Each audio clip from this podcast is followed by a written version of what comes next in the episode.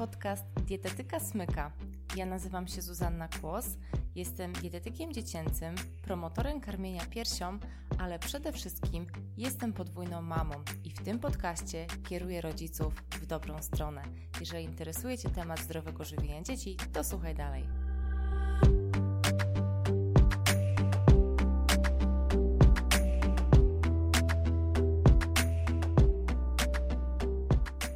Witam Cię bardzo serdecznie w 27 odcinku podcastu Dietetyka Smyka i dzisiaj mam dla Ciebie wywiad z niesamowitą osobą, z Ewą Popielasz, która prywatnie jest mamą czwórki dzieci i właśnie dlatego ją zaprosiłam do tego podcastu, ponieważ jestem bardzo ciekawa, a raczej byłam, bo teraz już e, jesteśmy po tym wywiadzie, byłam bardzo ciekawa, jak wygląda życie w takiej czteroosobowej rodzinie, jak wygląda żywienie dzieci w takiej rodzinie, i w ogóle macierzyństwo z takiej perspektywy. Także Ewa jest też bardzo aktywną mamą, to znaczy cały czas pracuje jako redaktor, korektor tekstu. E, prowadzi dwa blogi. Jeden taki właśnie dla osób, które są zainteresowane redakcją, korektą, które chcą także zdobyć takie umiejętności, ponieważ stworzyła kurs korekty tekstu i kolejna edycja już za parę miesięcy. Można się teraz zapisać na listę osób zainteresowanych. Ewa także nagrywa od niedawna swój podcast po drugiej stronie książki, który serdecznie Ci polecam, jeżeli w ogóle myślisz nad tym, żeby zostać redaktorem, korektorem albo po prostu interesują Cię książki, a Ewa bardzo wiele czyta książek, bo też z nimi pracuje. I Ewa także prowadzi bloga wraz z innymi mamami, to jest bardzo ciekawe, Baby w kuchni. Także tam też znajdziesz bardzo wiele przepisów i coś więcej mówi o tym Ewa e, w trakcie naszego wywiadu. A w opisie tego odcinka na Dietetyka Smyka znajdziesz oczywiście linki, o których wspominała Ewa, także do miejsc, gdzie możesz ją obserwować. Przede wszystkim zapraszamy na ewapopierasz.pl, ale także na Facebooka albo Instagrama Ewy. A teraz już przechodzimy do wywiadu z niesamowitą Ewą Popielasz. Witam Cię, Ewa, bardzo serdecznie w moim podcaście. Dziękuję, że przyjęłaś to zaproszenie. E, jest mi bardzo, bardzo miło i zanim tutaj przejdziemy, bo będę chciała, żebyś się chwileczkę tutaj przedstawiła wszystkim, e, którzy nas słuchają. E, natomiast powiem, dlaczego też Ciebie po pierwsze zaprosiłam i jak się poznałyśmy, ponieważ ja kiedy tylko usłyszałam, że jest taka redaktorka, korektorka, nie wiem czy dobrze to określiłam, ale pani redaktor tutaj w Polsce, która ma czwórkę dzieci i pisząc książkę e, e-booka teraz na razie jeszcze, ale wielkie wyzwanie smyka odżywianie, bo taki już jest tytuł, który tutaj wybrały moje, e, moje mamy z mojej społeczności. E, tak się to nazywa ta książka. To kiedy ja usłyszałam, że jest taka redaktorka, która ma czwórkę dzieci, to ja wiedziałam, że ja po prostu nikogo innego nie chcę od razu ja po prostu... Dla, dla, na moich kursach dla korektorów w poradach, jak zdobyć zlecenie, będę pisać, że trzeba mieć czwórkę dzieci. Dokładnie. To był dla mnie taki warunek, że stwierdziłam, że ja chcę mieć osobę, która po prostu czytając tą książkę przy okazji jako mama, tak super doświadczona mama, po prostu spojrzy na to też takim okiem mamy, nie tylko e, redaktora. Także tak się zaczęło. Mm, obserwuję Cię w mediach społecznościowych, bardzo lubię e, właśnie jakby ten kontakt z Tobą. E, uważam, że jesteś bardzo taką sympatyczną osobą. Um, I jeżeli mogłabyś, Ewo, się po prostu w tym momencie przedstawić, powiedzieć, kim jesteś, czym się zajmujesz. Ja powiedziałam tylko tak dwa słowa, a teraz mhm. Tobie tutaj oddaję pałeczkę. Jasne. Bardzo Ci dziękuję za zaproszenie. Przede wszystkim bardzo mi miło. To jest zawsze najtrudniejsze pytanie, żeby się przedstawić. Dobrze, że ono jest na początku, później już będzie łatwiej. E, nazywam się Ewa Popielarz. E, jestem rzeczywiście redaktorem, korektorem albo redaktorką, korektorką, jak kto woli. E, od 14 lat już, w tym od 4 lat pod szyldem swojej firmy. Mm, no i właśnie zajmuję się redagowaniem e, tekstów autorów, tekstów drukowanych, e-booków, tekstów internetowych, na blogi wszelkiego typu, a oprócz tego dzielę się też swoją wiedzą, doświadczeniem z innymi korektorami. Mm, no i to zaowocowało powstaniem kursu dla korektorów. Kurs się nazywa Akademia Korekty Tekstu. Na wiosnę była pierwsza edycja. No to chyba tyle z kwestii zawodowych, e, a, a ważniejsze może są prywatne, powiedzmy, e, od 11 lat czyli krócej niż pracuję. Jestem e, żoną jednego męża i mamy wspólnie rzeczywiście, tak jak powiedziałaś, czwórkę dzieci.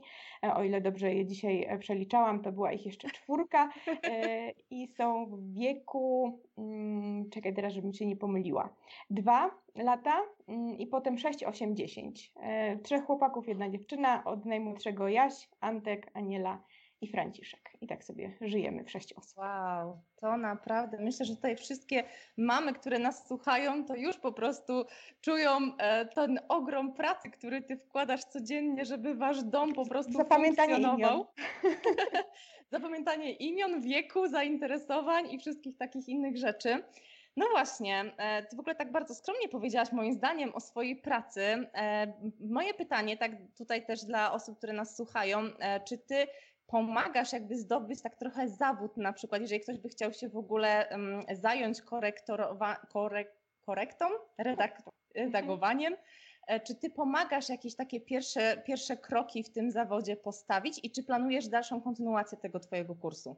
Tak, tak. No ten kurs korekty to jest właśnie, jego celem jest e, przygotowanie od podstaw do zawodu korektora pod kątem e, i poprawności językowej, poprawności edytorskiej i takiej organizacyjnej, obsługi programów, szukania zleceń, reklamowania się w internecie. To jest taki mm, super kompleksowy kurs, który rzeczywiście od podstaw przygotowuje mm, do zawodu. Już pierwsza edycja się zakończyła i mam sygnały od e, kursantów, od kursantek właściwie, bo kursanci jeszcze się nie odzywali, nie wiem jak tam u nich, mm, a mieliśmy dwóch panów e, na kursie.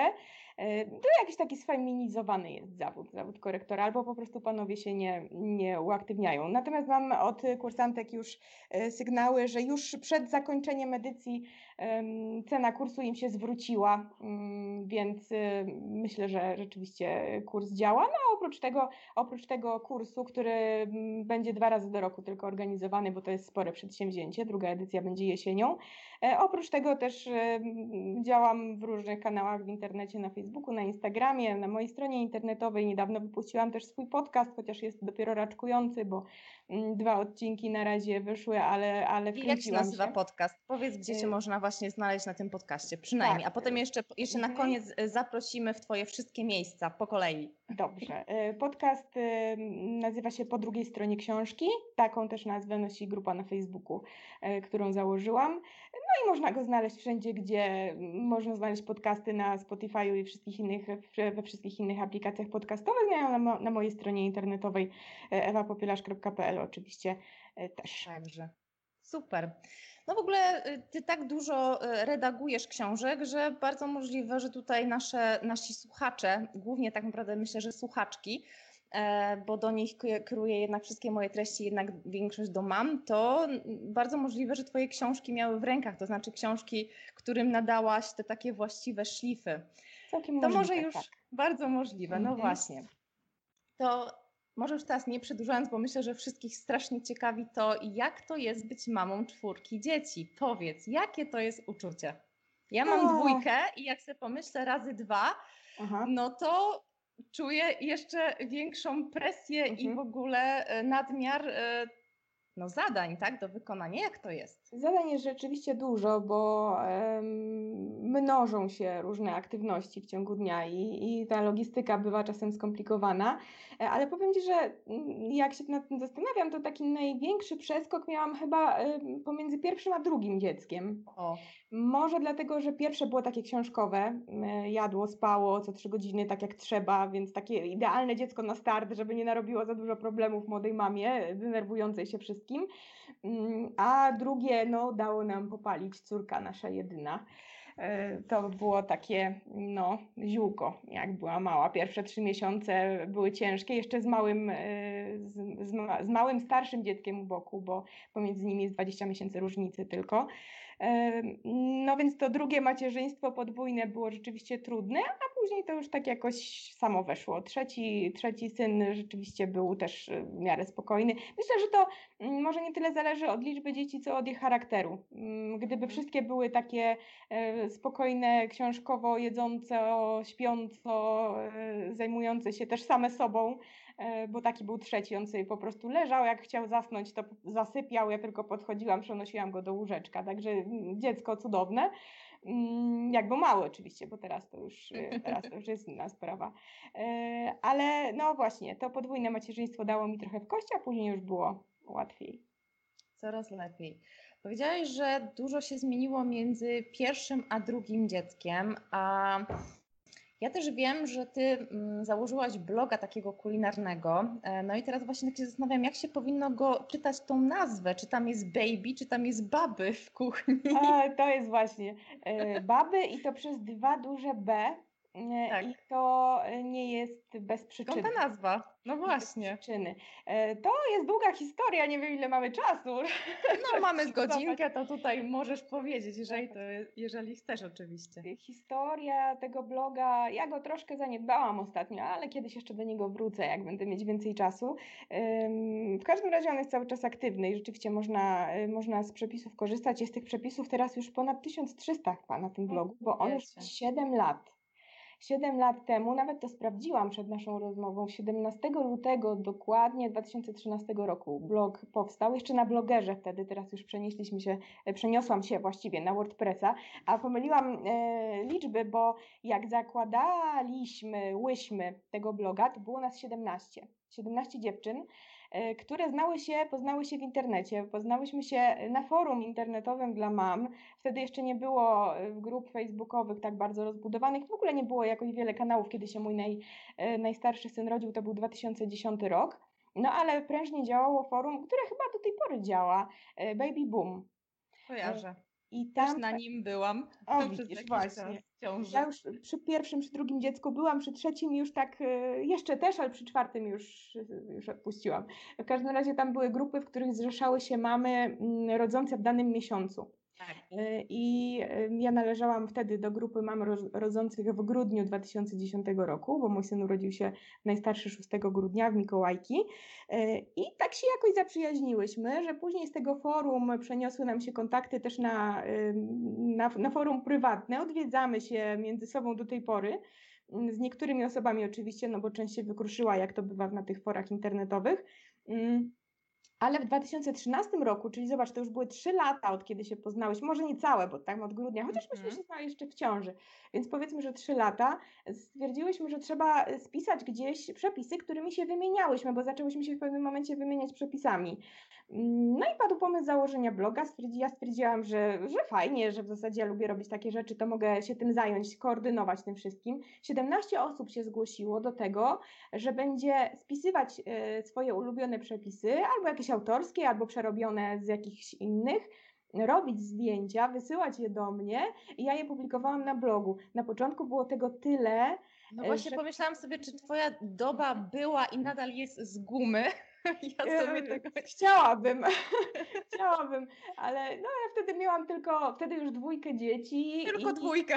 Tylko dwójkę, tak. Y, I, I dużo, dużo, dużo mniej pracowałam. Miałam współpracę z jednym wydawnictwem, robiłam dwie książki na miesiąc, tego nie było y, rzeczywiście jakoś tam bardzo dużo.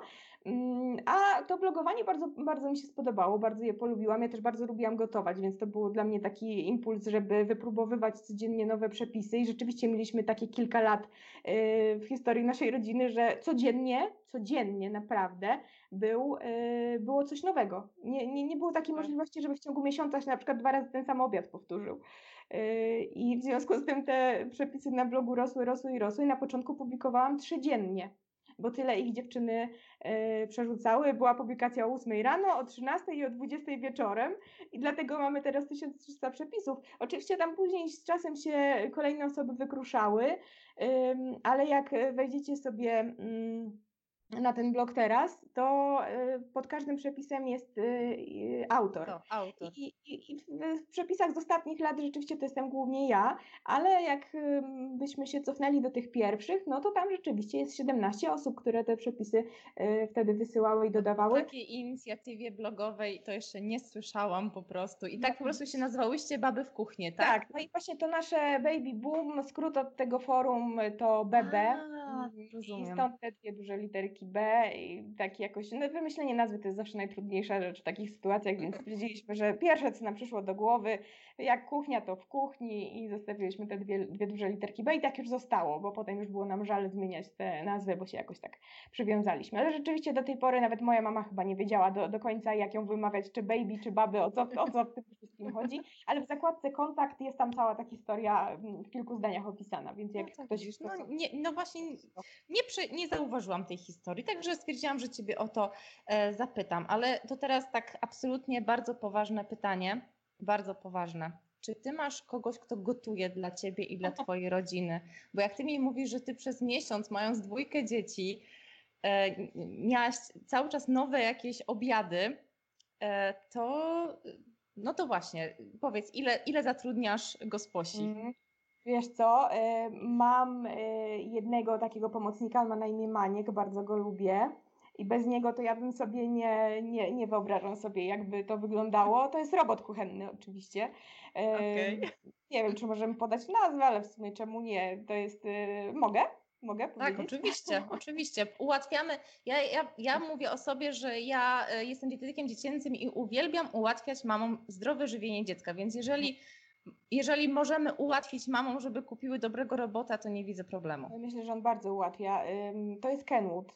E, są mm, dwie frakcje. Mm, jedni wybierają Kenwooda z tych takich robotów kuchennych z wyższej półki, a inni e, KitchenAida. I ja się zdecydowałam na Kenwooda. Ja jakoś tak w zasadzie zupełnie nie wiem dlaczego.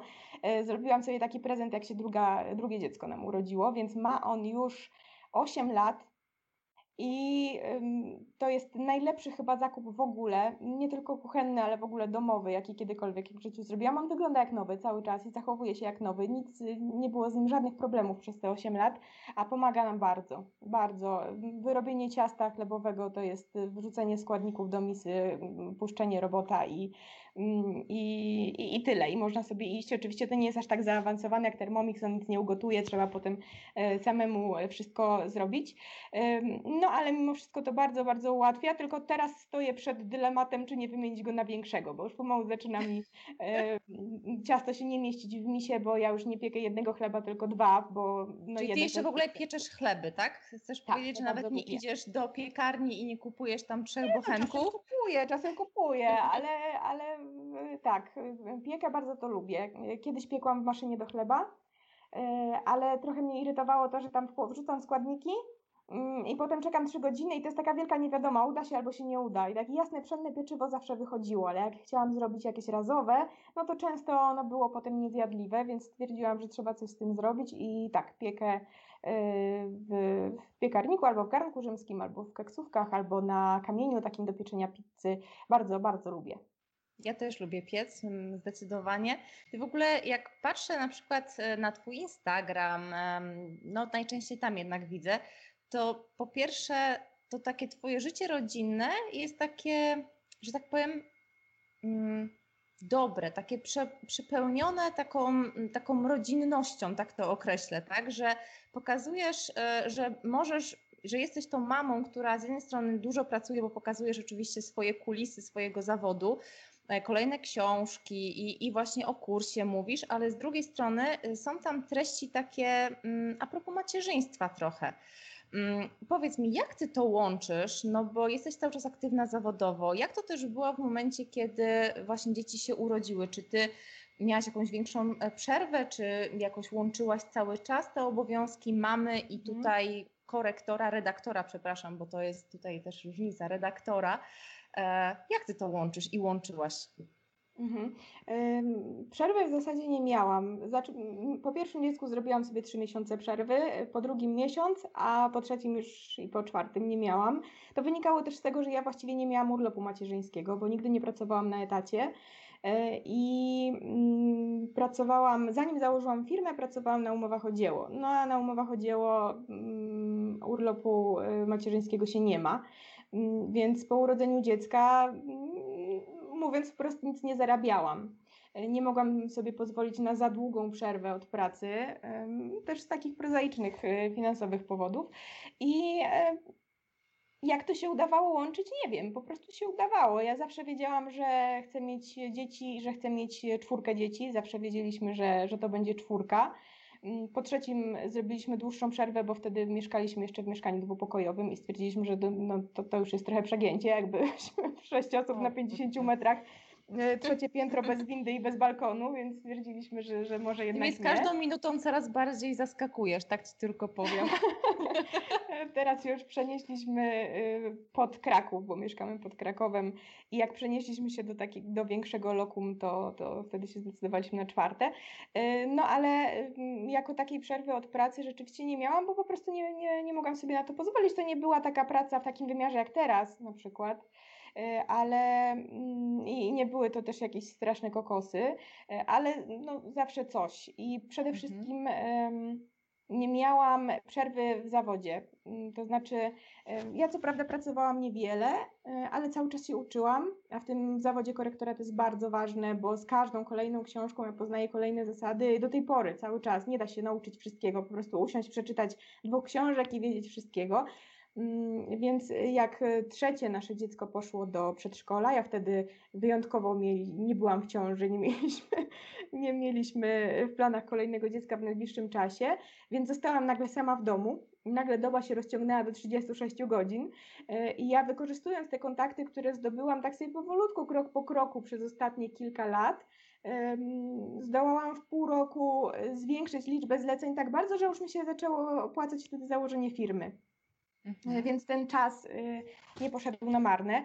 Y, no a jak się udawało to łączyć, nie wiem, zawsze się zastanawiam nad tym, ale tak po prostu to, to było, wychodziło tak zupełnie naturalnie. Jeżeli był dzień, kiedy dzieci z jakiegoś powodu miały gorszy czas, trzeba było przy nich być przez cały czas, to po prostu wtedy nie pracowałam albo pracowałam wieczorem. Ja też mam dużą łatwość pracy wieczornej, jestem zdecydowanie sobą to teraz mi się bardzo przydaje, kiedy dzieci są w domu od paru miesięcy.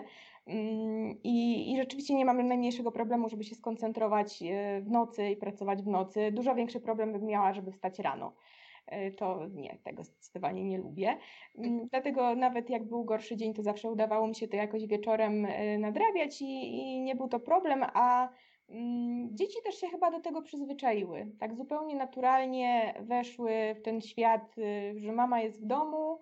Y, I jeszcze jak byliśmy w małym mieszkaniu, no to wiesz, te wszystkie przestrzenie się przenikały. Mieliśmy dwa pokoje. W jednym pokoju, jeden pokój był rzeczywiście dziecięcy, one tam spały, bawiły się.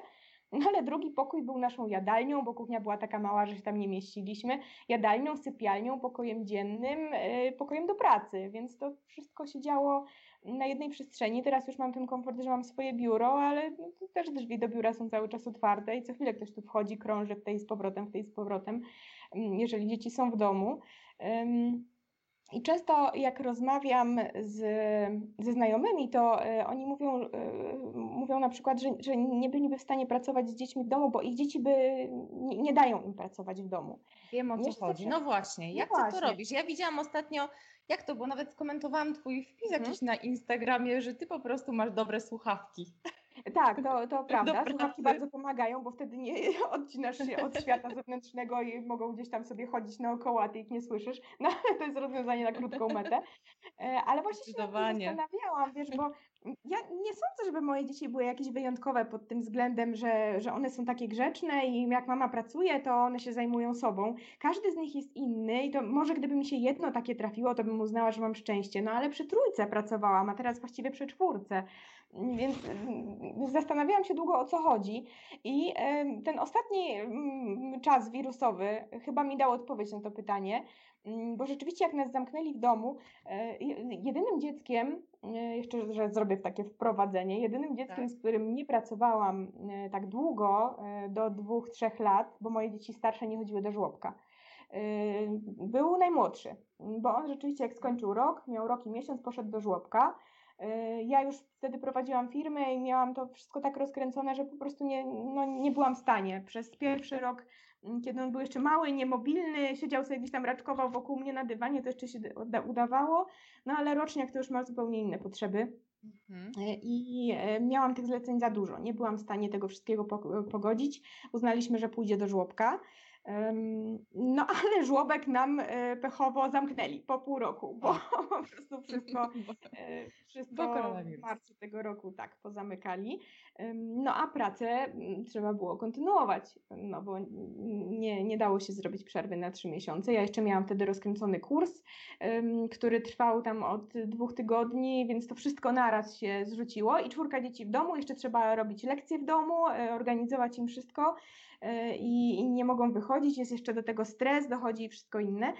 I rzeczywiście było tak, że przez pierwszy miesiąc ja pracowałam praktycznie tylko wieczorem i w nocy, e, bo nie byłam w stanie nic zrobić przy tym najmłodszym, który w lipcu teraz będzie kończył dwa lata, więc y, no, miał trochę ponad półtora roku, jak nas e, zamknę, zamknęli.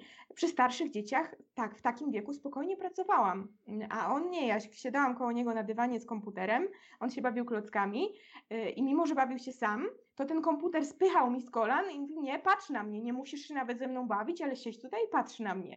I tak sobie pomyślałam, kurczę, może rzeczywiście trafiło mi się wreszcie dziecko, przy którym nie da się pracować. Może rzeczywiście takie dzieci są. Ale minął miesiąc drugi yy, i on się przyzwyczaił.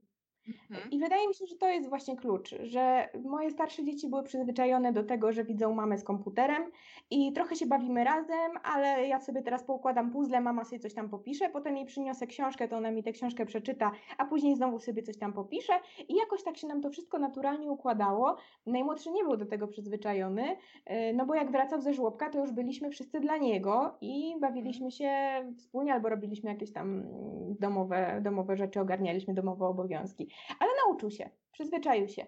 E, więc myślę, że to jest właśnie to, to jest to. To jest kwestia przyzwyczajenia i takiej determinacji, że chce się te dwie drogi ciągnąć, bo, mhm. no bo czasem nie ma takiej potrzeby, nie ma takiej konieczności, albo nie ma się takiego, nie wiem, no, nie chcę powiedzieć motywacji, ale po prostu nie ma potrzeby, żeby, żeby pracować przy dzieciach i wtedy każdy inny wybór jest równie dobry.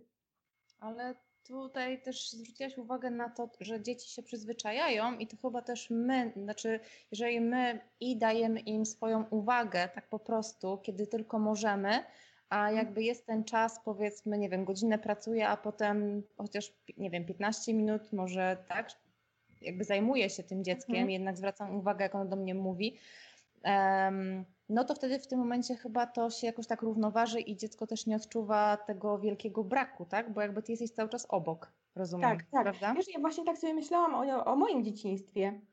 Ja sobie nie przypominam, nie wiem, pewnie były takie sytuacje, ale nie przypominam sobie teraz, żeby rodzice jakoś siadali z nami i się z nami bawili, mimo że moja mama nie ja pracowała. Ja też tego nie pamiętam, nie? ale mam wrażenie, że teraz chyba świat trochę właśnie poszedł w tym kierunku, że tak, ja się często spotykam z mamami, tak, które mm, no właśnie nawet mają wyrzuty sumienia, jeżeli one coś chcą zrobić dla siebie, tak to określi, po, po, określić, um, posiedzieć, poczytać dla siebie książkę niż tylko tam o kopciuszku e, czy jakąś inną. E, no właśnie, powiedz, czy ty, czy ty masz czasami albo miałeś jakieś takie w ogóle wyrzuty sumienia? Ja powiem szczerze, że ja czasami mam wyrzuty sumienia, kiedy wiem, że ja muszę odpisać na jakiegoś maila bardzo ważnego, zrobić jadłospis, e, zrobić jakieś zalecenia, jakieś takie rzeczy i tutaj ktoś na to czeka ty też masz wśród swoich talentów chyba na pierwszym miejscu, chodzi o talenty Galupa, dyscyplinę, mhm, prawda?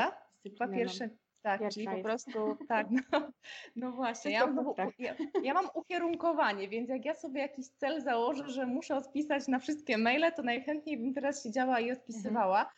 E, myślę, że to jest nawet coś, coś, to jest chyba z tej samej grupy ta dyscyplina i ukierunkowane. Tak mi się wydaje, że to jest gdzieś tam mm-hmm. w tej samej grupie Ale talentów. Ja mam drugą bliskość. I ja, ja mam też mam bliskość. ta bliskość, tak? I ja mam wrażenie, że ta bliskość trochę równoważy tę dyscyplinę, tak. bo jakby nie ona, to myślę, że byłoby ciężko. Żebyś po prostu jechała 24 godziny na dobę, tak, bo ty tak. chyba kochasz swoją pracę, ale chyba lubisz, nie? Zawsze lubiłaś, to tylko właśnie, lubisz czytać książki? Tak teraz odbiegnę na chwilę od tematu tych dzieci, ale muszę się o to zapytać. Lubisz czytać, zawsze lubiłaś czytać książki? Zawsze lubiłam, zawsze lubiłam. Ja przez długi czas kształciłam się w kierunku, w kierunku matematyki i ścisłych przedmiotów y, i, do, do liceum włącznie. Ja byłam w klasie matematyczno-fizycznej, zdawałam maturę rozszerzoną z matematyki, jestem pierwszym rocznikiem um, nowej matury i wybrałam rozszerzoną matematykę i już miałam składać na jakieś AGH albo Politechnikę mm, papiery, yy, kiedy znalazłam kierunek o nazwie edytorstwo.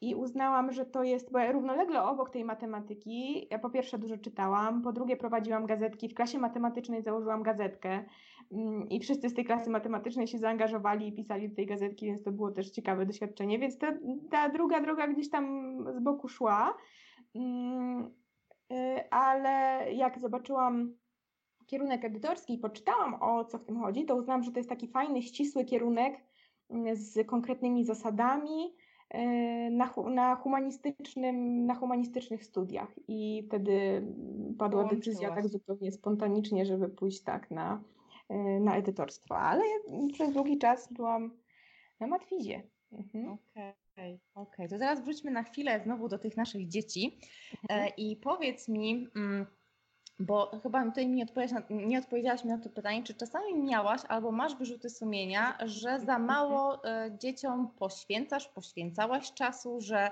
co to za mama, że pracuje tutaj laptop obok. Ja powiem wprost, że czasami było tak, że moje dzieci, jak tam w przedszkolu miały powiedzieć, czym się mama zajmuje, albo co mama robi, co mama lubi, to no na szczęście ostatnio syn narysował mnie na karimacie, bo dużo zaczęłam ćwiczyć, ale ogólnie to było mama, e, która siedzi gdzieś tam przed laptopem, tak? Więc e, czy ty czasami miałaś takie wyrzuty sumienia?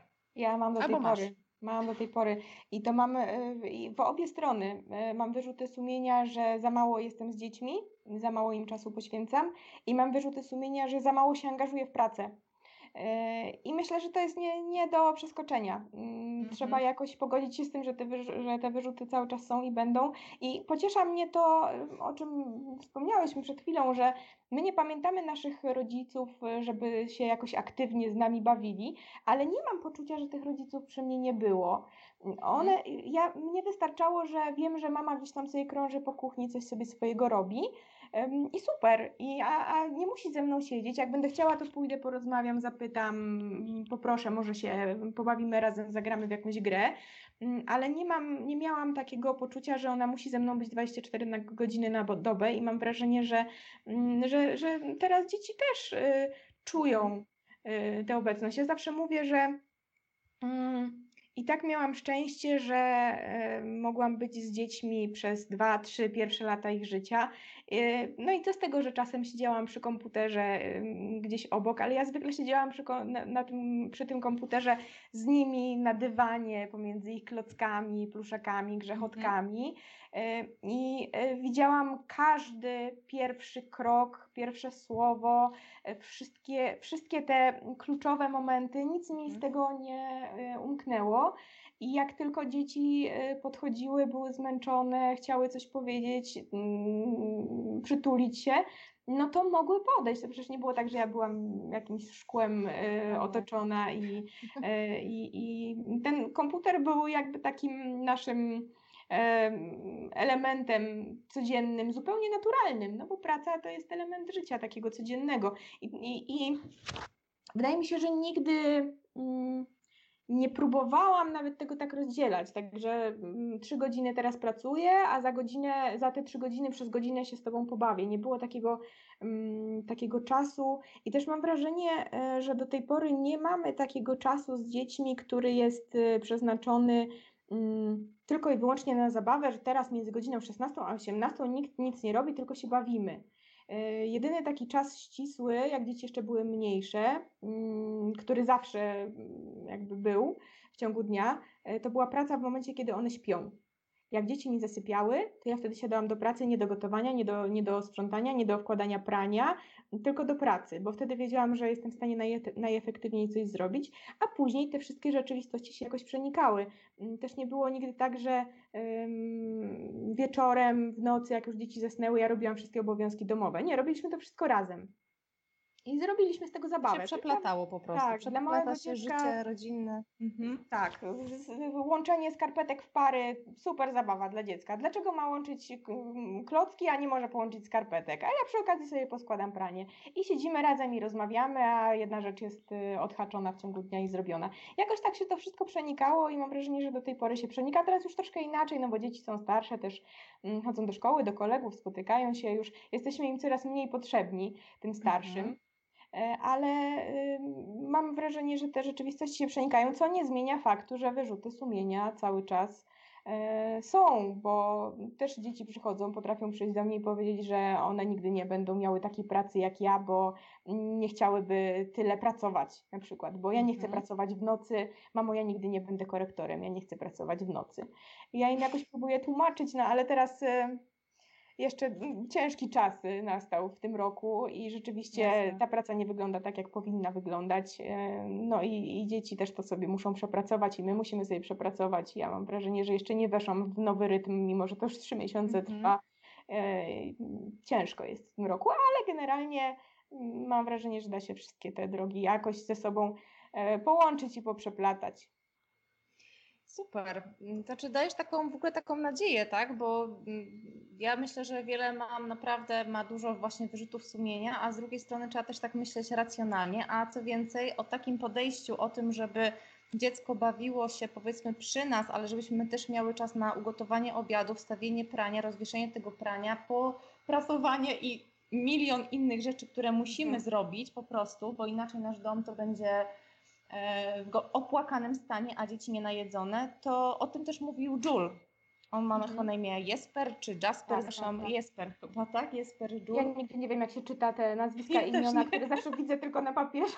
ja sobie Ale w głowie. Ja czytałam książkę jego Uśmiechnij się, siadamy do stołu i tam właśnie wydaje mi się, że to w tej książce on to właśnie mm, poruszał ten temat po prostu bycia obok dziecka, ale też nie koncentrowania się w 100% tylko i wyłącznie na tym, że ono teraz akurat chce się z nami pobawić, a my mamy po prostu tonę gdzieś tam obowiązków jako osoby dorosłe i ich opiekunowie.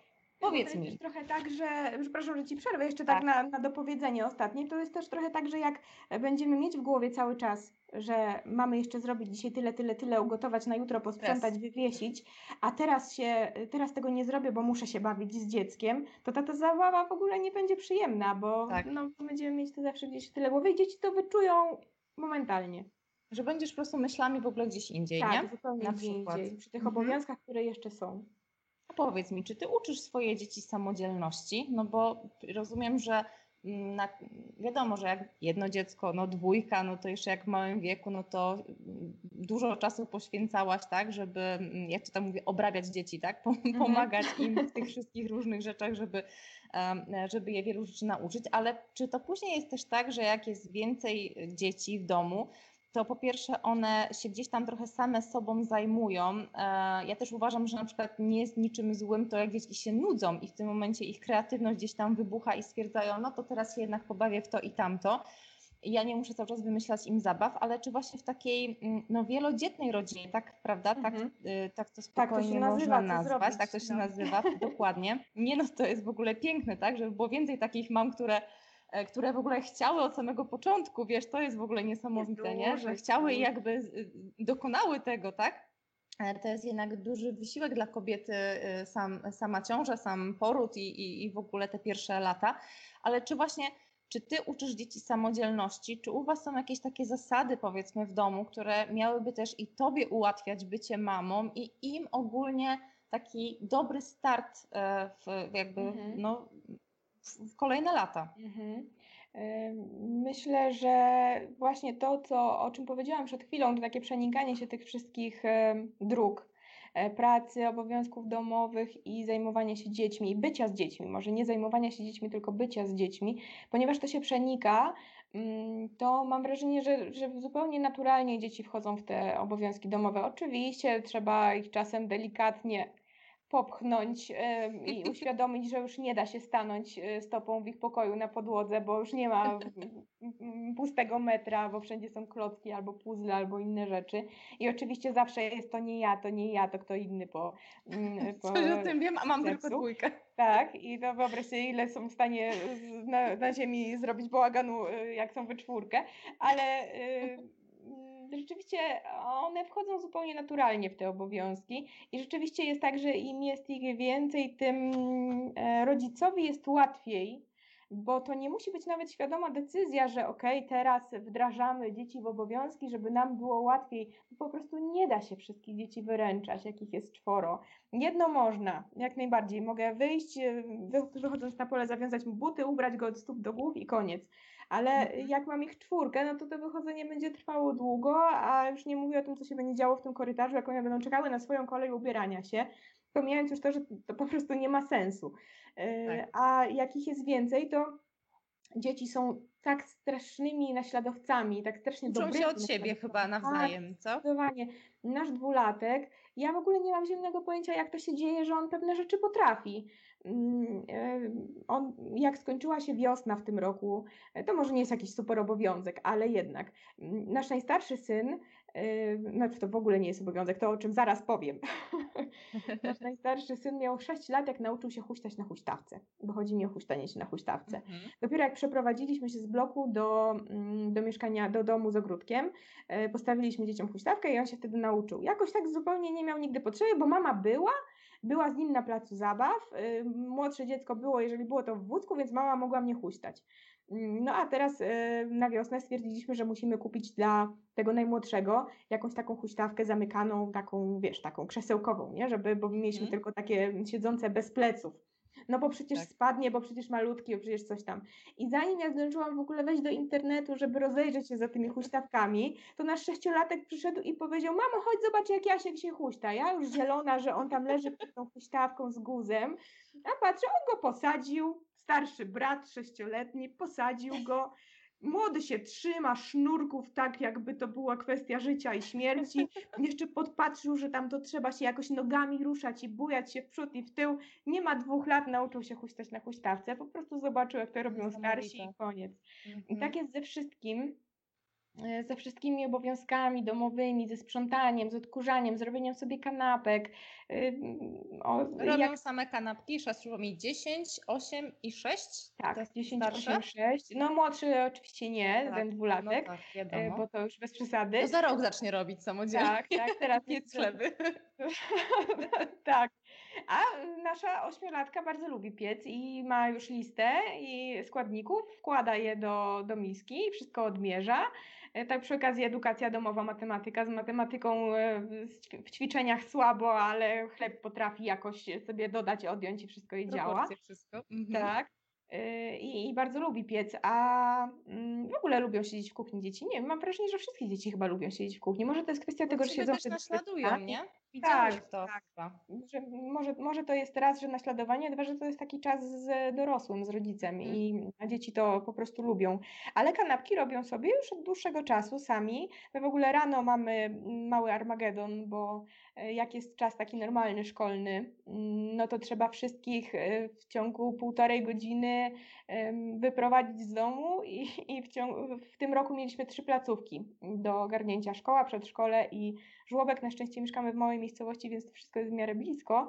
No ale trzeba było rano mm, to wszystko załatwić. Ja jeszcze mam taką zasadę, w ogóle mamy w domu taką zasadę, że bez śniadania się z domu nie wychodzi. Po prostu mimo, Mhm. że w przedszkolu jest śniadanie, w żłobku jest śniadanie, to mm, nie wiadomo, czy je zjedzą, czy nie zjedzą. Ja wolę wiedzieć, że w domu zjadły i wyszły ze Choć śniadaniem. trochę. Tak, chociaż trochę.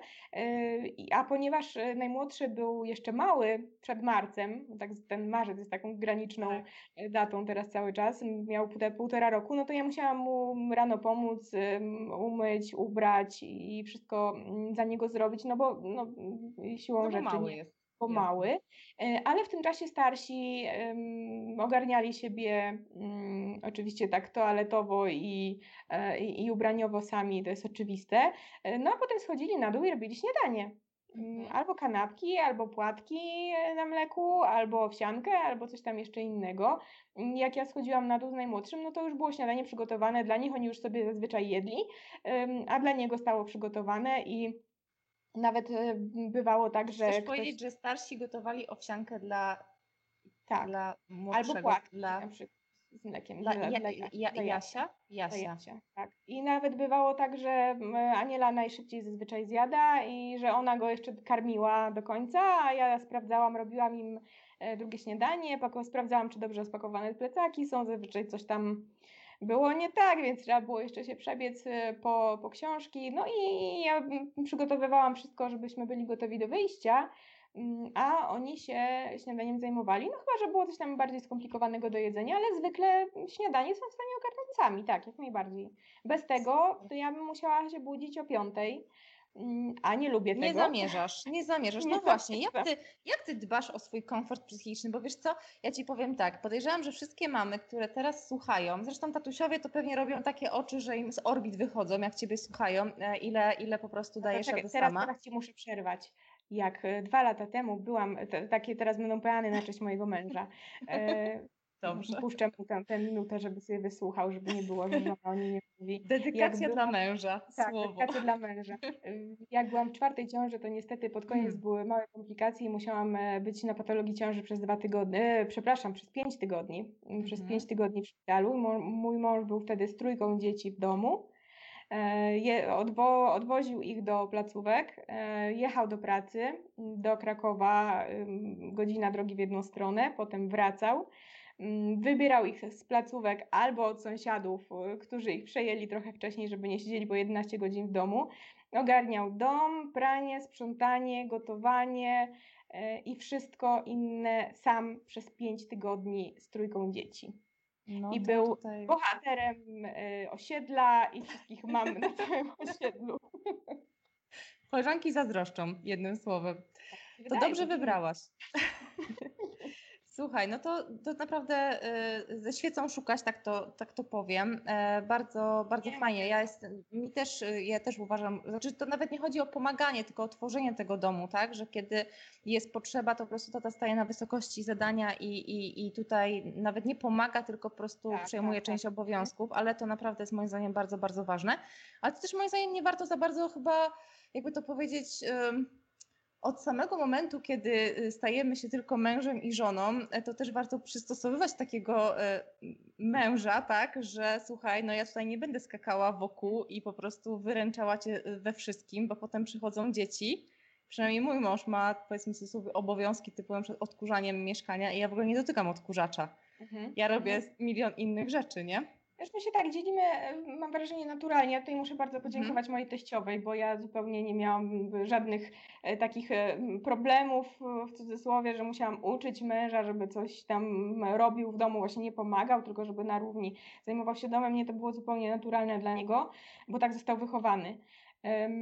I, a, a podział nasz wynikał z dwóch rzeczy. Mm, Z tego, kto więcej czasu spędza w domu, no bo jak em, on wychodził z domu na, na No tak. 11 godzin, no to siłą rzeczy nie był w stanie pewnych rzeczy No zrobić. nie rozwiesi prania wtedy, na pewno. Nie rozwiesi prania wtedy, tak, to prawda. E, A, e, a poza tym też z tego, co kto lubi. Bo ja na przykład Mhm. nie znoszę myć łazienek. Nie znoszę. Mhm. I nie wiem, czy on to lubi. Chyba nie jest jakimś pasjonatem, ale nie, nie jest tak, że nie lubi tego aż tak jak ja, więc on się tym zajmuje.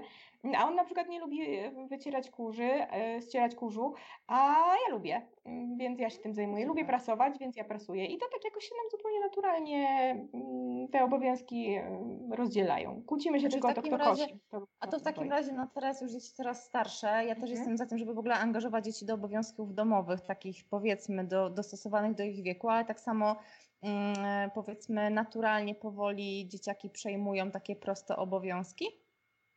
Yy, tak. Załadowanie zmywarki, wyciągnięcie zmywarki, sprzątanie swojego pokoju. Jak robimy jakąś taką większą akcję sprzątaniową w sobotę, no to my zaczynamy od dołu. Mamy piętrowy dom, zaczynamy od dołu, czyli tam kuchnię, właśnie łazienki, duży pokój, a one w tym czasie mm, sprzątają swoje pokoje. I oczywiście to trzeba poprawić potem, ale już coraz rzadziej i coraz mniej.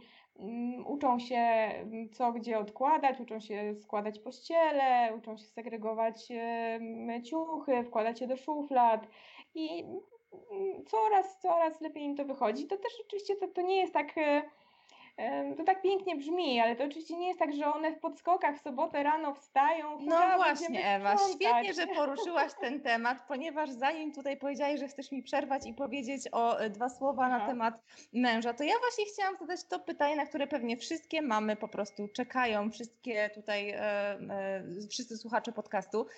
Czy naprawdę to jest takie różowe? Bo ty tak mówisz o pieczeniu chleba, o wspólnej zabawie z dziećmi. Tutaj wiesz, ja sobie to wyobrażam, że tutaj laptop e, ładnie sobie leży, tutaj klocki, tutaj na to masz czas, jest różowo, dzieci same się zjedzą, same zjedzą e, kanapki, zro- zrobią kanapki, rozwieszą, tutaj nie się śmieję z tym rozwieszaniem prania, ale po pierwsze, e, też jak patrzę, powiedzmy, jak, e, jak, jak gdzieś tam Cię obserwuję e, w social mediach, to mm, takie mam poczucie, że jesteś taką, po pierwsze taką spełnioną mamą, ale taką jednak spokojną osobą. Czy Ty się kiedykolwiek denerwujesz na dzieci? Czy Ty czasami przechodzisz kryzysy, że najchętniej to byś po prostu dajcie mi wszyscy święty spokój, ja po prostu wychodzę z domu i wracam jutro?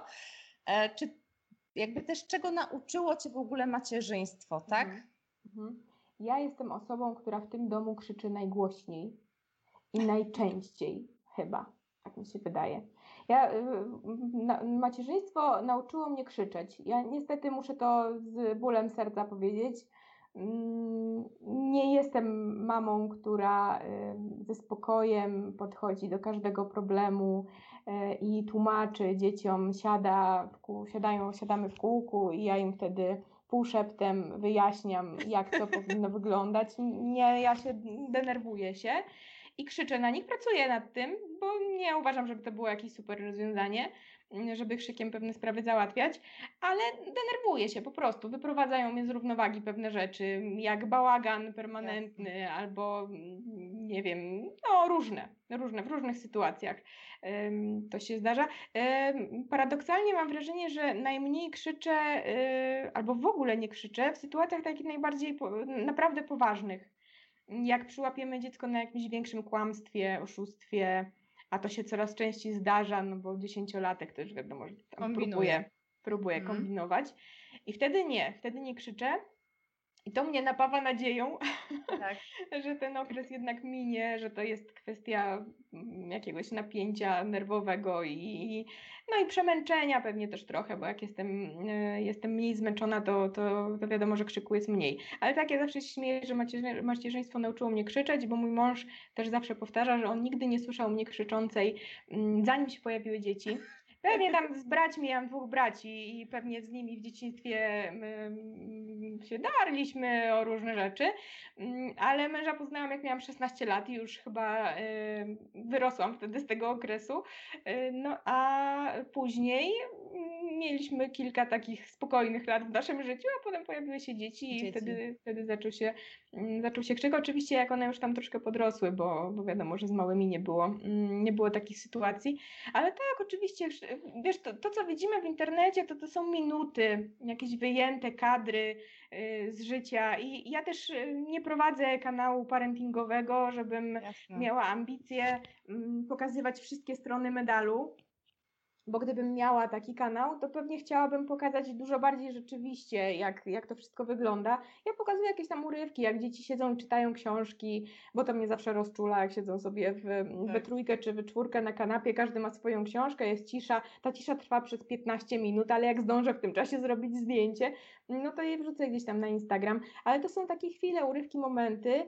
Ale też a... chyba takie, które chciałabyś zachować w pamięci, tak? tak? No powiedzmy tak. z Instagrama to nie znika. Mhm. Więc nawet tak później tak, wspomnień, nie? To, to też jest tak, że mm, no, nie, jeżeli nie ma się rzeczywiście takiej misji, na przykład w internecie, na swoim kanale, żeby wspierać y, inne mamy czy rodziców w, w, macierzyństwie, a ja nie mam takiego kanału i raczej mieć nie będę, bo nie czuję się kompetentna w tym, Mm, i, i myślę, że jakoś nie potrafiłabym na dłuższą metę czegoś takiego robić, y, no to każdy z nas pokazuje takie chwile i takie momenty dobre Piękne. właśnie, takie, takie Albo śmieszne na przykład można Albo pokazać, śmieszne, nie? tak, albo pozytywne. Wiesz, to Żeby też jest tak, otaczać tym, co fajne. Ja mam wrażenie, że to nawet nie tylko internet, jak, jak ktoś do nas przychodzi, tak. do domu, no, no to już raczej staramy się, nie krzyczę e, raczej, chyba, że to już tacy sąsiedzi, którzy wiedzą, że mamy z sąsiadami taki układ, że możemy krzyczeć nawzajem na swoje dzieci, e, pozwolić sobie, bo oni się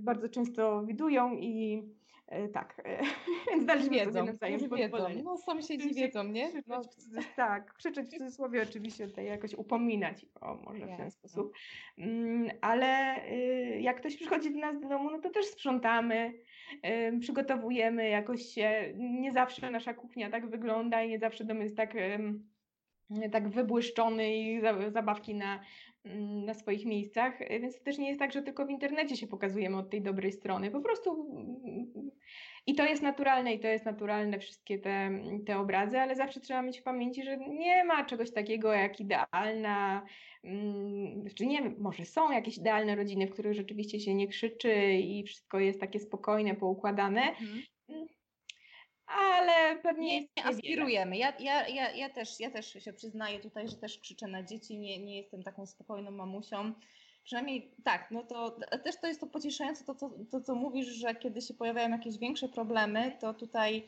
potrafisz się opanować i spojrzeć na to jakoś tak z dystansu, mm, no właśnie, na błahostki, nie? Kiedy coś mhm. nas wyprowadzi gdzieś tam tak, z równowagi. To jest taki doraźny Irytujący, coś się mhm, zdarzyło mhm. irytującego, nie? To, to wtedy prędzej mm, wybuchamy. Ale powiedz mi, w takim razie, jak ty się regenerujesz, jak odpoczywasz, żeby w ogóle zachować, wiesz, zdrowie psychiczne, bo to przy, przy dwójce jest czasami ciężkie do osiągnięcia, a przy czwórce?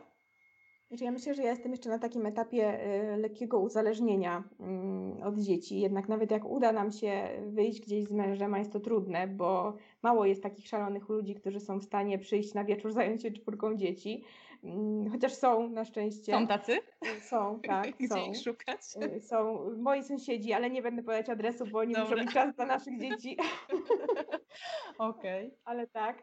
E, natomiast zdarza się to bardzo, bardzo, rzeczywiście bardzo rzadko, że gdzieś z mężem wychodzimy sobie mm, na wieczór. E, no bardzo, po prostu na palcach jednej ręki można by policzyć w ciągu ostatniego roku. My też nie mamy blisko dziadków, bo nasi mhm. dziadkowie mm. mieszkają w innym województwie i to też nie jest tak, że możemy na weekend, czy na wieczór, czy na noc oddać dzieci. Nasze dzieci, e, nie licząc dopiero zaczęły nocować poza domem, dopiero kiedy były na tyle duże, że, że nocowały już u kolegów z podstawówki. Mhm. Wcześniej to się nie, nie zdarzało, więc ja jestem z dziećmi właściwie 20, ja i mój mąż też. Jesteśmy z dziećmi 24 na go, godziny na dobę i to jest dla mnie zupełnie naturalne. Zupełnie nie, nie mam z tym żadnego problemu. Yy, więc myślę, że gdybym miała taki wieczór, że miałabym zostać sama, to ja bym nie wiedziała, co mam ze sobą zrobić, bo nie wiem, pewnie zaczęłabym dłubać. Ale to nawet jak, jakbyś, przepraszam, mhm. Ci przerwę, ale mhm. tu już nawet nie chodzi o takie, wiesz, właśnie samotny wieczór, mhm. tylko kiedy czujesz, że po prostu już gdzieś tam twoja granica została przekroczona, tak, że każde z dzieci czegoś chce, e, coś tutaj, coś się zadziało. No podejrzewam, że tak samo może gdzieś tam e, obowiązki zawodowe, tak? Coś tam nie zagrało, nie wiem, no cokolwiek, prawda? Mm, I teraz jak, jak ty osiągasz to, ten spokój? Jakie, masz, jakie są twoje takie, e, jakieś może nawet taka porada, tak? Co zrobić, kiedy po prostu jesteśmy mhm. przytłoczone może nawet tymi rolami, szczególnie tą rolą mamy? Mhm. Czy ty masz w ogóle czas, czasami coś takiego? Nie mam zielonego pojęcia, jak osiągam spokój po takim, e, po jakichś takich wybuchach. Wiesz co, jednym takim, jedyne co mi przychodzi do głowy to e, powierzenie dzieci e, mężowi. Mhm. Wieczorem ja się odcinam chwilę, całkowicie, tak, ja się odcinam całkowicie, zamykam się w pokoju, już nie wiem, albo zaczynam sobie pracować, a on już się zajmuje dziećmi, mm, układa je, pilnuje przy myciu, układa do spania. Mm, I ja rano już mm, jestem y, świeża i gotowa do kolejnego okay. dnia, mhm. do kolejnego dnia y, z dziećmi. No w ciągu dnia jest to trudniejsze, trudniejsze, bo no wiadomo, jest mnóstwo różnych obowiązków, trzeba dopilnować różnych rzeczy i mam wrażenie, że mam taką świadomość tego, że no nie mogę wyjść, trzasnąć drzwiami i, i wrócić za trzy godziny pewnie by się świat nie zawalił i nic by się, nic by się nie stało, bo to też nie jest tak, że e, ja jestem przyklejona rzeczywiście do domu, bo, bo i wyjeżdżałam na jakieś tam samotne wyjazdy, delegacje, niedelegacje różne kilkudniowe, mm, albo chociażby byłam przez pięć tygodni w szpitalu i nic się nie, nie wydarzyło mhm. złego. No ale właśnie jest y, mój mąż i y, z nim się mm, wymieniamy. Jak już widzę, że on też ma dość, to ja wtedy wkraczam i mówię idź już, ja się zajmę mm, dziećmi, szczególnie jak jest wieczór, już wszystko jest, emocje są nawarstwione, dzieci dostają głupawki jakieś przy myciu się wieczorem e, i widzę, że już mojemu mężowi też nerwy puszczają, no to wtedy ja je przejmuję. Mm, chociaż rzeczywiście y, takie wieczorne może to właśnie widzisz, może to też z tego wynika, tak sobie teraz uświadomiłam, y, że ja się zajmuję dziećmi y, w ciągu dnia, mąż też, ale on często wyjeżdża do pracy, zmienia miejsca, ja jestem cały czas w tym domu, ja tu pracuję, tu jestem z dziećmi, cały czas tutaj i może z tego wynika, że tak naturalnie mąż przejmuje obowiązki, przejmuje obowiązki wieczorem. Mhm. Kończy się kolacja, idą na górę i ja już tam nie idę. Mhm. On już y, ogarnia ich wszystkich i, i, pilnuje to wszystko aż do momentu położenia się spać. Ja czasem jeszcze mm, przychodzę, bo dzieci lubią, jak, żeby przy nich posiedzieć wieczorem albo Jasne. jak Ostatni zasypiają. Buziak. Tak, i, i wtedy jeszcze przychodzę tam, y, jestem pod ręką, ale rzeczywiście te wszystkie wieczorne obowiązki, rytuały spadają na mojego męża. E, ale to tak y, codziennie, doraźnie. A gdybym miała powiedzieć, jak wolny czas lubię spędzać, to paradoksalnie nie samotnie, e, tylko z ludźmi. Mhm. Chociaż ja wiem, czy paradoksalnie, może to też wynika z tego, że głównie spędzam czas albo z małymi dziećmi, albo jakoś wirtualnie, bo moja praca to jest tak. praca z komputerem, ewentualnie z telefonem, z mailem, ale mm, online. A z żywymi ludźmi w pracy się nie spotykam. Ja siedzę w pustym pokoju z Jasne. czterema ścianami e, i rzeczywiście jak przychodzi weekend, e, to w normalnym czasie, nie wirusowym, każdy weekend mamy praktycznie zajęty, albo my do kogoś jedziemy, albo ktoś do nas przyjeżdża, e, albo wyjeżdżamy na jakąś wycieczkę. Mm, I ja wtedy też spędzam dzień e, do połowy, od rana do, do popołudnia w kuchni, bo przygotowuję coś do jedzenia, jakieś ciasto, jakieś coś tam. A potem siedzimy do północy albo i dużo dłużej i, i rozmawiamy. Dzieci się ze sobą bawią, bo znajomi też często przychodzą z dziećmi. Dzieci gdzieś tam padają po kątach, jak już są zmęczone. I na drugi dzień jesteśmy jeszcze bardziej zmęczeni niż przed weekendem, ale to jest odpoczynek dla mnie. Coś okay. tak, tak, tak spędzone. Zmęczeni, ale zadowoleni, czas, jednym tak, słowem, że tak, coś tak. się działo. To powiedz mi, Ewa, no wiesz, jako dietetyk dziecięcy, no nie mogłabym po prostu pominąć takiego ważnego pytania. Aż się boję teraz. Aż się boisz, no właśnie, to wiesz, tak kawa na ławę. Czy y, Dobrze. u Was y, y, w ogóle, czy w takiej właśnie mm, dużej rodzinie jest możliwe zdrowe odżywianie dzieci. Jakie ty masz w ogóle podejście do, do, mm. do żywienia dzieci? No bo wiesz, y, myślę, że nie jedna mama by poszła w kierunku fast foodów, tak? Żeby tutaj nie, nie napracować się za bardzo. No gotowanie dla y, dwójki dzieci to już jest jednak y, czasami wyzwanie, a dla czwórki już nie mówiąc o ilości, ale też o preferencjach. A ja nie chcę mamo mm. tego, a ja chcę mm. tak.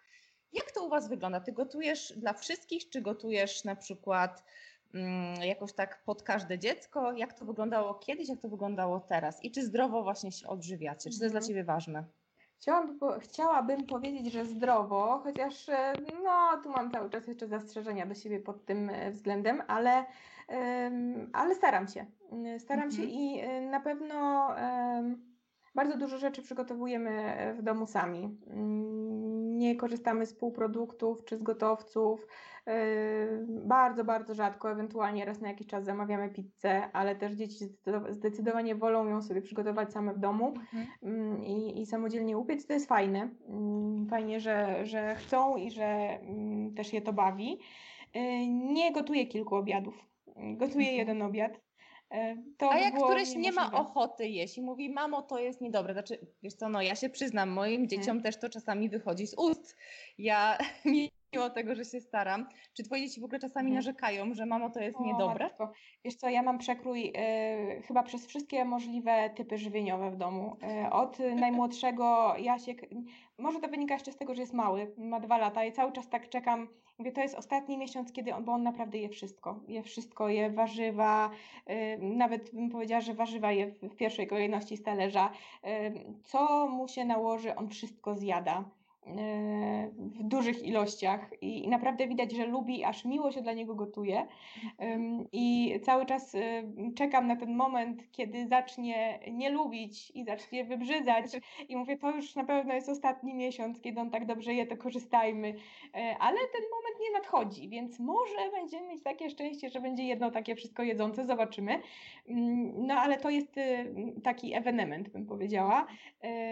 Drugi w kolejności jest Antek, który ma teraz 6 lat i to jest z kolei kompletnie przeciwny biegun. To jest człowiek, który mm, nie wiem, czy można go nazwać niejadkiem, bo to nie jest tak, że on mało je, ale gdyby mógł żywić się tylko słodyczami, to on by się z, z miłą chęcią żywił tylko słodyczami. E, I trzeba bardzo na niego uważać, bo e, jak tylko zje coś słodkiego, to on momentalnie jemu uczucie głodu e, w ogóle znika na kilka mhm. godzin i nic się wtedy w niego nie wciśnie. E, I to jest kompletnie przeciwny biegun i on jest chyba najtrudniejszy tak żywieniowo rzeczywiście mm-hmm. u nas w domu. E, I, I on ma cały czas, to już pomału się łagodzi, ale to jest taki typ dziecka, że jak banan się złamie, to on już go nie zje, bo to już mhm. nie jest ten sam banan, mimo że uwielbia. Mhm. Albo jak widelec jest zielony, a nie różowy, a nie tam niebieski, to, to też nie zje.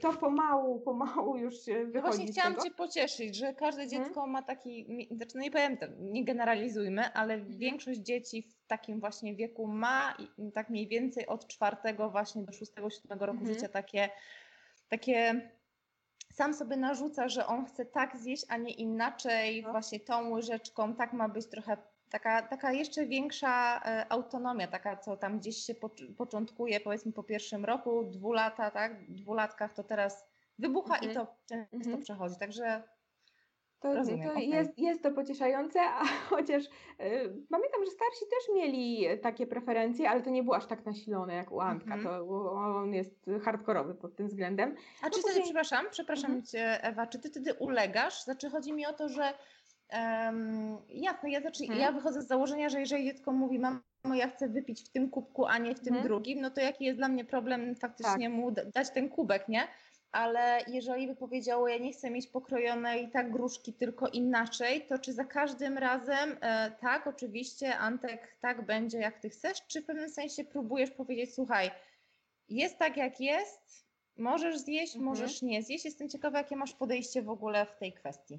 Wiesz co, to różnie. To różnie zależy w jakim on jest nastroju, bo jak widzę, że on mhm. jest rozdrażniony i wszystko co powiem y, spowoduje tylko wybuch płaczu i on na pewno już wtedy nic nie zje, mm, to ja się jakoś specjalnie nie wdaję z nim w polemiki i no nie wiem, chociażby ten przykład z bananem, jak mu się już ten banan złamał i on płakał, że go nie zje, to, to próbowaliśmy jakoś y, jak mam, to czasem tak, czasem się tak zdarzało, a jak nie, to próbowaliśmy to jakoś obejść, na przykład pokroić mu go na plasterki, e, mhm. żeby zjadł sobie na przykład widelcem. I to o dziwo czasem działało. Czasem działało, Super. czasem nie znaczy, działało. Ja się z tym zgadzam. Mhm. Ale to też tak nie, nie szliśmy w takie nie upieram się przy tym, że przecież to smakuje tak samo, zjedz to, bo jeżeli on mhm. sobie coś wymyślił, to no, wiem, że uprze się przy tym i choćby on wiedział, bo ja jestem przekonana, że on zdaje sobie sprawę z tego, że, że to smakuje tak samo, ale będzie tak. się upierał, więc to mhm. nie ma najmniejszego sensu moim zdaniem, żeby brnąć e,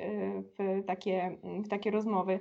No ale rzeczywiście to jest trudne jedzeniowo dziecko i a starsi są tacy umiarkowani, powiedzmy. To tak mm, średnio. Najstarszy jest w klasie sportowej, więc on już wie, co powinien jeść i często już zjada z rozsądku, bo wie, mhm. że powinien zjeść warzywa albo, albo coś tam.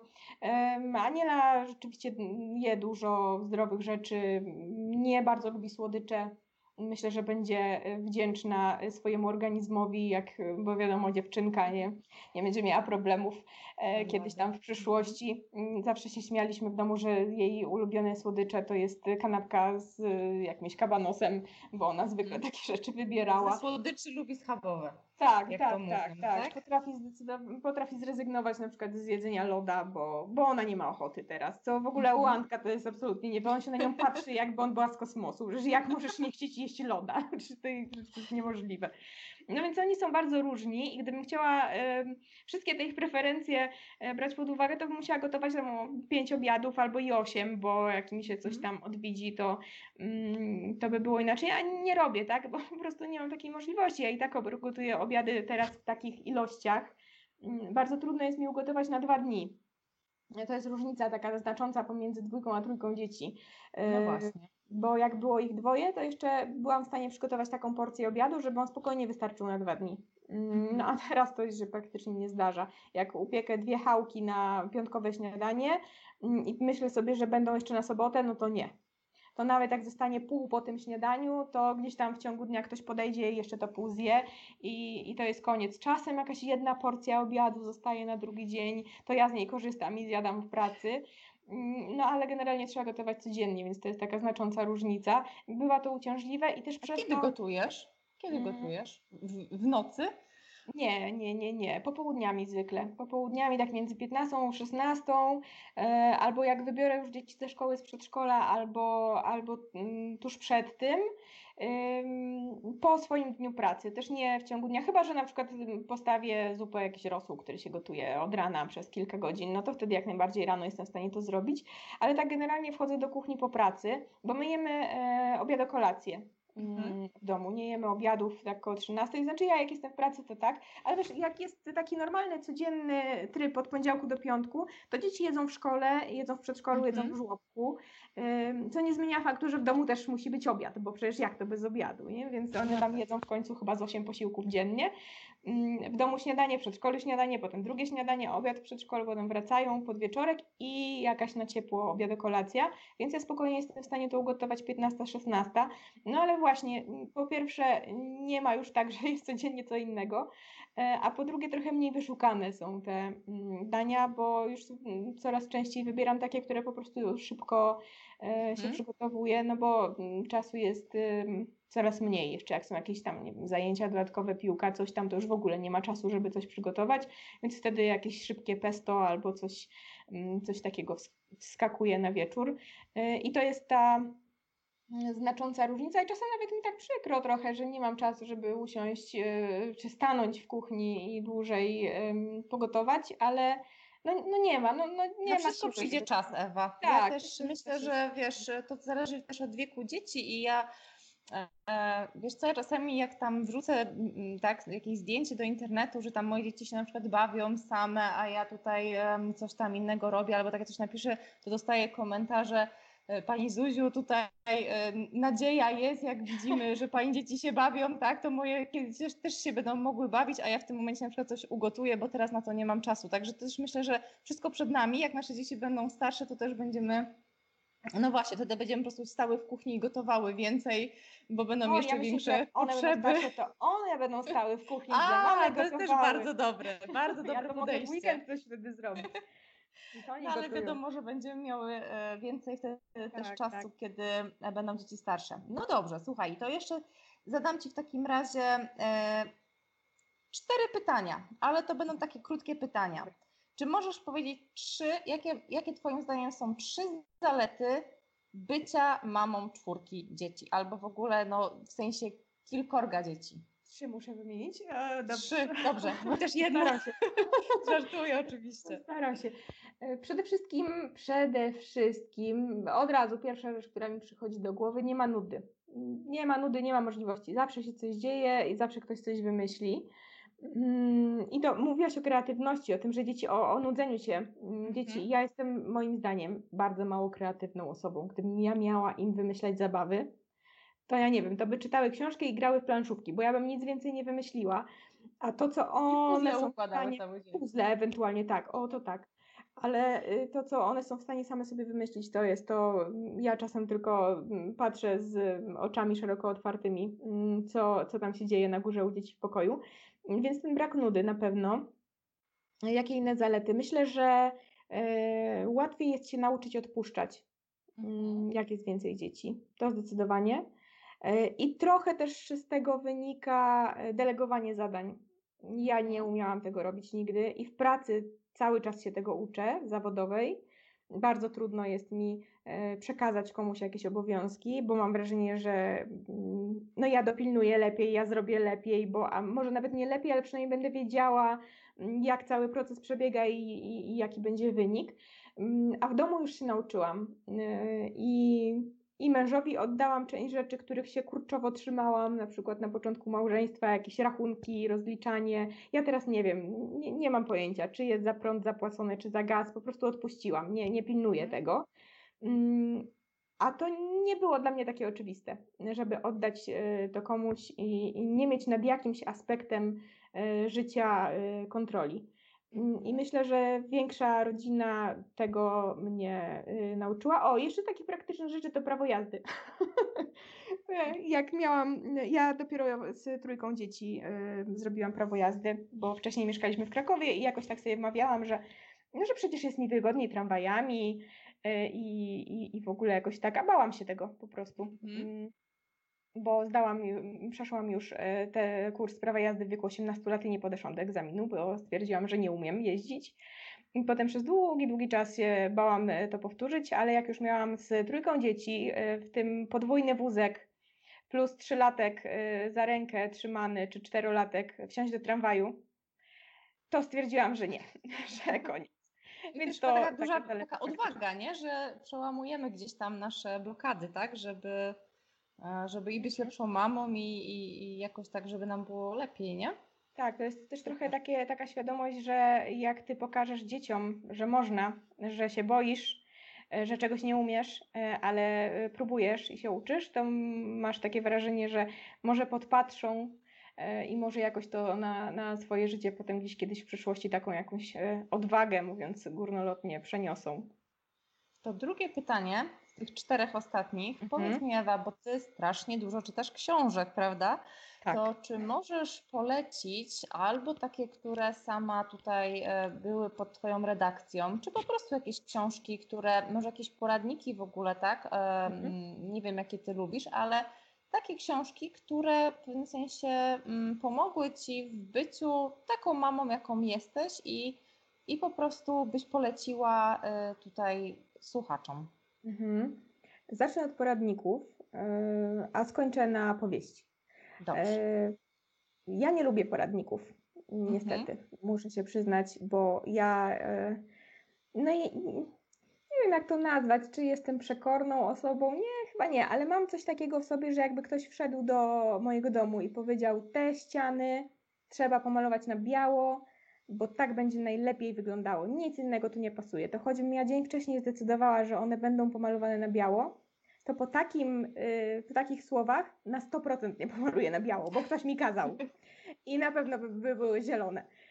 I tak samo mam z poradnikami. Jak czytam poradnik yy, i, i ktoś mi mówi, jak powinno się zachowywać dziecko, dziecko w wieku mojego, albo jak mhm. ja powinnam zrobić coś, kiedy dziecko robi coś, coś innego, to ja już się najeżdżam od razu i staram się coś tam oczywiście wyciągnąć dla, dla siebie. Uczę się czytać poradniki. Mm, uczę się tego, że nie wszystko musi do mnie trafić, mogę sobie wyciągnąć jedną rzecz z całej książki i to już będzie, będzie ok.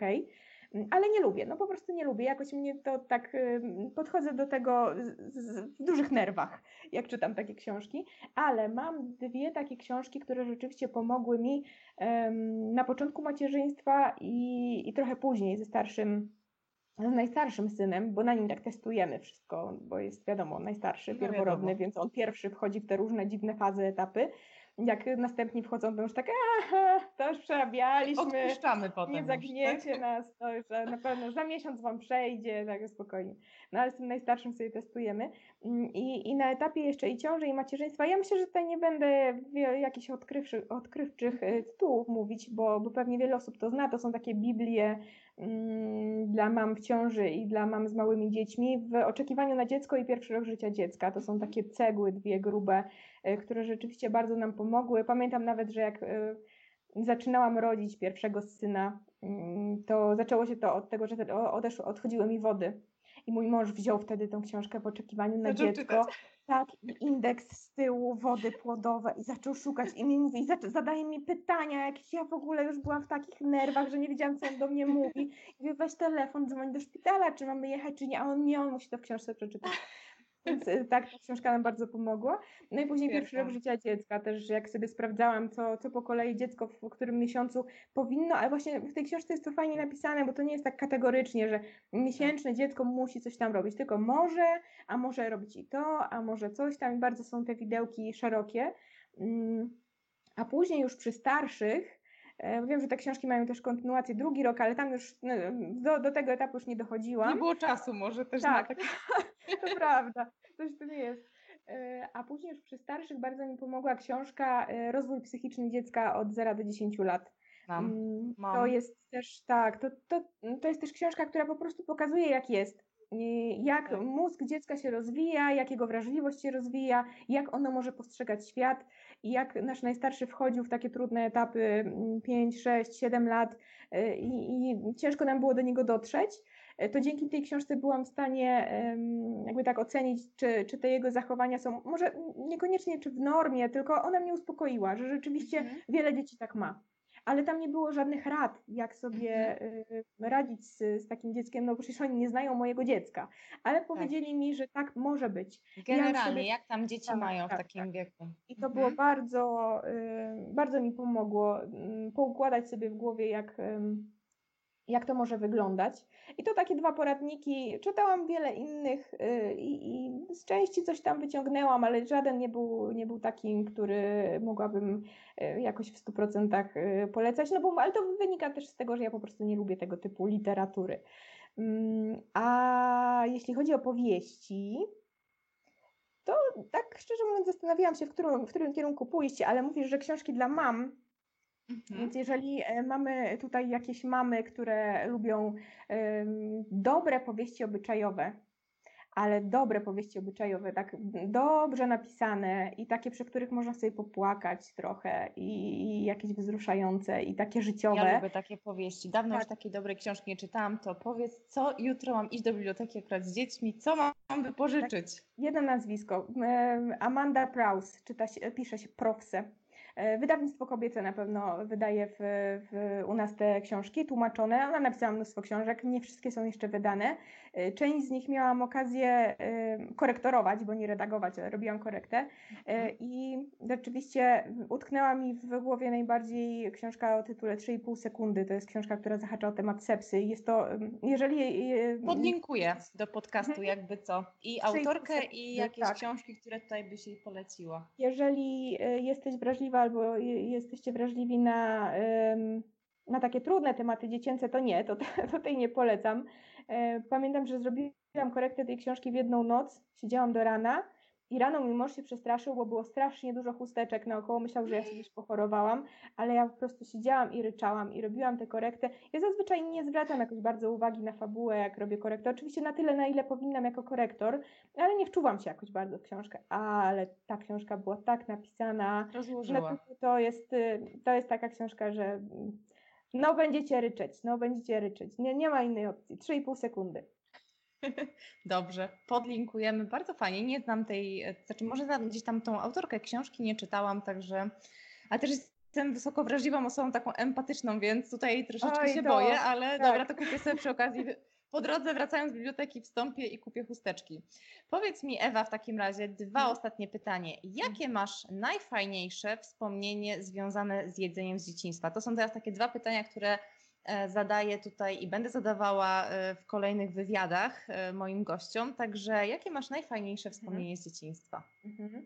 Ja się nawet przygotowałam, myślałam sobie o tym i przyszły mi do głowy dwie rzeczy. Jedna rzecz to jest bułka z żółtym serem i pomidor do ręki. Mhm. Czyli takie drugie śniadanie, które jedliśmy siedząc w bagażniku samochodu albo gdzieś przy samochodzie, jak jechaliśmy na wakacje Zawsze to mieliśmy w, jak, jako prowiant na drogę. Mm, I pamiętam tego pomidora, który każdy dostawał taki duży do ręki i po prostu wgryzaliśmy się w niego jak w jabłko. Próbuję przekonać tego moje dzieci, że to jest super pyszne, ale jakoś Inny nie czas. jeszcze do tego. Nie, może, może kiedyś zobaczymy, y, ale to jest takie jedno wspomnienie bardzo silne. Mm, a drugie y, jest może, może mało zdrowe, ale jest rzeczywiście myśmy w domu bardzo rzadko, właściwie w ogóle nie chodziliśmy do żadnych restauracji, jedliśmy domowe jedzenie, mm, ale czasem było takie święto, że w piątek mama pozwalała nam iść do y, smażalni, y, która była no kilka domów dalej i kupić frytki smażone takie na głębokim oleju mhm. i rybę smażoną i jakiś tam zestaw surówek. Ja pamiętam do dzisiaj zapach tej smażalni. Podejrzewam, że dzisiaj by mi się nie spodobał, ale pamiętam ten zapach. To było takie święto, jak ja wracałam. W siatce miałam e, e, obiad dla e, pięciu osób, bo jestem z pięcioosobowej rodziny mm, i on był już taki ciepły, ja wiedziałam, że zaraz sobie siądziemy i będzie takie święto, bo zjemy coś nieugotowanego w domu. I to było takie... Chyba dzieci to lubią. Wiesz, tak, Mo tak. moje też teraz mają taki etap, że mimo tego, że właśnie pieczymy bułki, chleby w domu, to z piekarni byłoby smaczniejsze mhm. prawdopodobnie, mimo tego, że mamo pyszny chleb, to i tak tak co jakiś czas, że do piekarni albo gdzieś tam jest. Chyba to dzieci lubią tak poza domem czasami odświętnie, tak inaczej, nie? Zawsze, zawsze coś Bardzo innego jest. fajne tak. wspomnienia. No to dobrze, to ostatnie pytanie. Czy, czy jest coś takiego, czego w dzieciństwie nie cierpiałaś, nie lubiłaś i potem nagle ci przeszło i teraz to jesz i lubisz i jak to się stało? Czy coś takiego kojarzysz? Mm. Nie wiem, jak to się stało. Może to wynika z tego, że sama sobie teraz gotuję i głupio mi powiedzieć, że niedobre, e, ale to chyba to by były surówki tak klasycznie, po prostu nic do odkrywczego nie powiem.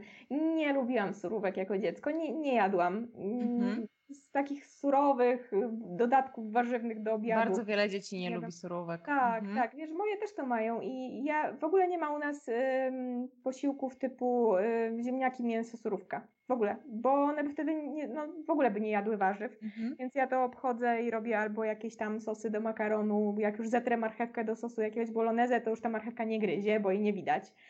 Albo w plackach jakichś takich smażonych na suchej patelni, botwinkę na przykład ukrywam, albo pesto, pesto z ugotowanych szparagów. W życiu szparaga nie zjedzą, nie ma takiej możliwości, a jak ugotuję szparagi i zmiksuję je na pesto, to w ogóle, o pyszny, mam taki zielony makaron, to ja chcę przepis, bo ja, ja nie znam e, pesto ze szparagów, a moje tak? dzieciaki uwielbiają pesto, także ja tutaj się do Ciebie zgłaszam po przepis. Dobrze, dobrze. Um, czyli, czyli surówki, czyli jest nadzieja, bo to jest też takie pytanie, żeby dać nadzieję mamom, które słuchają tego podcastu, że nawet jeżeli teraz aktualnie ich dzieci tam nie jedzą, nie wiem, jajek, surówek, właśnie jakiejś hmm. zupy czy coś, to jest nadzieja, że jednak z tego kiedyś wyrosną i stąd tak, ja, te, ja też w tej nadziei trwam. Mam, mam wrażenie też, że polubiłabym teraz wątróbkę, ale nie próbowałam. Y, w dzieciństwie nie lubiłam, ale mam jakieś takie przeczucie, że teraz by mi smakowała. Może kiedyś zjadłabyś spróbuję. prędzej niż, te, niż kiedyś. Tak, tak. Super. E, ja byłam, mm, jakby bardzo czekałam na ten wywiad i byłam bardzo ciekawa, co im powiesz. E, super w ogóle, bardzo, bardzo Ci dziękuję, że, że znalazłaś ten czas. No, prawie półtorej godziny ale to jest dla mnie wartościowy czas i też myślę, że tutaj osoby, które nas e, słuchają, e, też się nie nudziły, a raczej robiły wielkie oczy słuchając tego, co, co mówisz. E, Ewo, mm, powiedz mi, gdzie Cię można znaleźć, gdzie Cię można obserwować, gdzie, nas, gdzie zaprosisz może tak? Już powiedziałaś o, mhm. wiadomo, o blogu powiedzmy baby w kuchni. To jest baby w kuchni.pl czy ja już teraz nie Niestety nie było, nie było już PL końcówki. Niestety, o, taka proszę. popularna nazwa. Mhm. To gdzie cię, gdzie cię można zobaczyć i, i zaobserwować um, i też ewentualnie e, zgłosić się, jeżeli ktoś by chciał skorzystać z swojego kursu tutaj mhm. na korektora. Mhm. E, kuchni.pl to rzeczywiście jest blog kulinarny, ale to jest taka moja książka kucharska. E, zapraszam, bardzo mm, dużo dobrych przepisów. Natomiast zawodowo można mnie znaleźć na stronie ewapopielarz.pl i tam są w zasadzie wszystkie inne linki. Takie kanały, które aktywnie prowadzę, to jest Instagram i Facebook, i tam jestem e, na obu z nich pod nazwą Popielarz Ewa. Tak trochę nie po polsku, ale Ewa Popielarz mhm. też już była zajęta. E, Popielasz Ewa, na Facebooku jeszcze grupa po drugiej stronie książki, tak samo jak nazywa się e, podcast po drugiej stronie książki. Mm, a informacje o kursie na korektora rzeczywiście są na mojej stronie ewapopielasz.pl w zakładce kurs korekty tekstu. Mm, tam wszystko można znaleźć, wszystkie informacje. Kontakt małpa ewapopielasz.pl, mail. Jeżeli e, macie jakiekolwiek pytania, to śmiało, bardzo chętnie na wszystkie odpowiem. Super. Ewo, to ja Ci jeszcze na koniec bardzo, bardzo dziękuję za to, że właśnie tutaj znalazłeś o tak późnej godzinie, bo przyzna, przyznamy no, się tutaj zaczynam. wszystkim.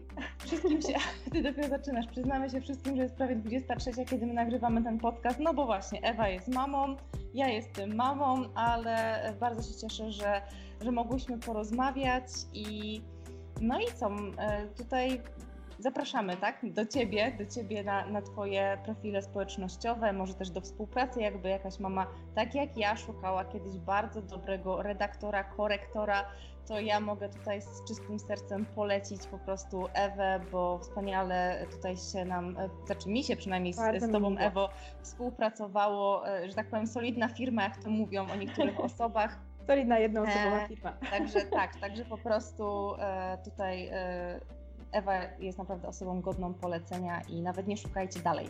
Bardzo dziękuję, bardzo, bardzo jest miło i bardzo dziękuję za zaproszenie. Były bardzo, bardzo przyjemne półtorej godziny.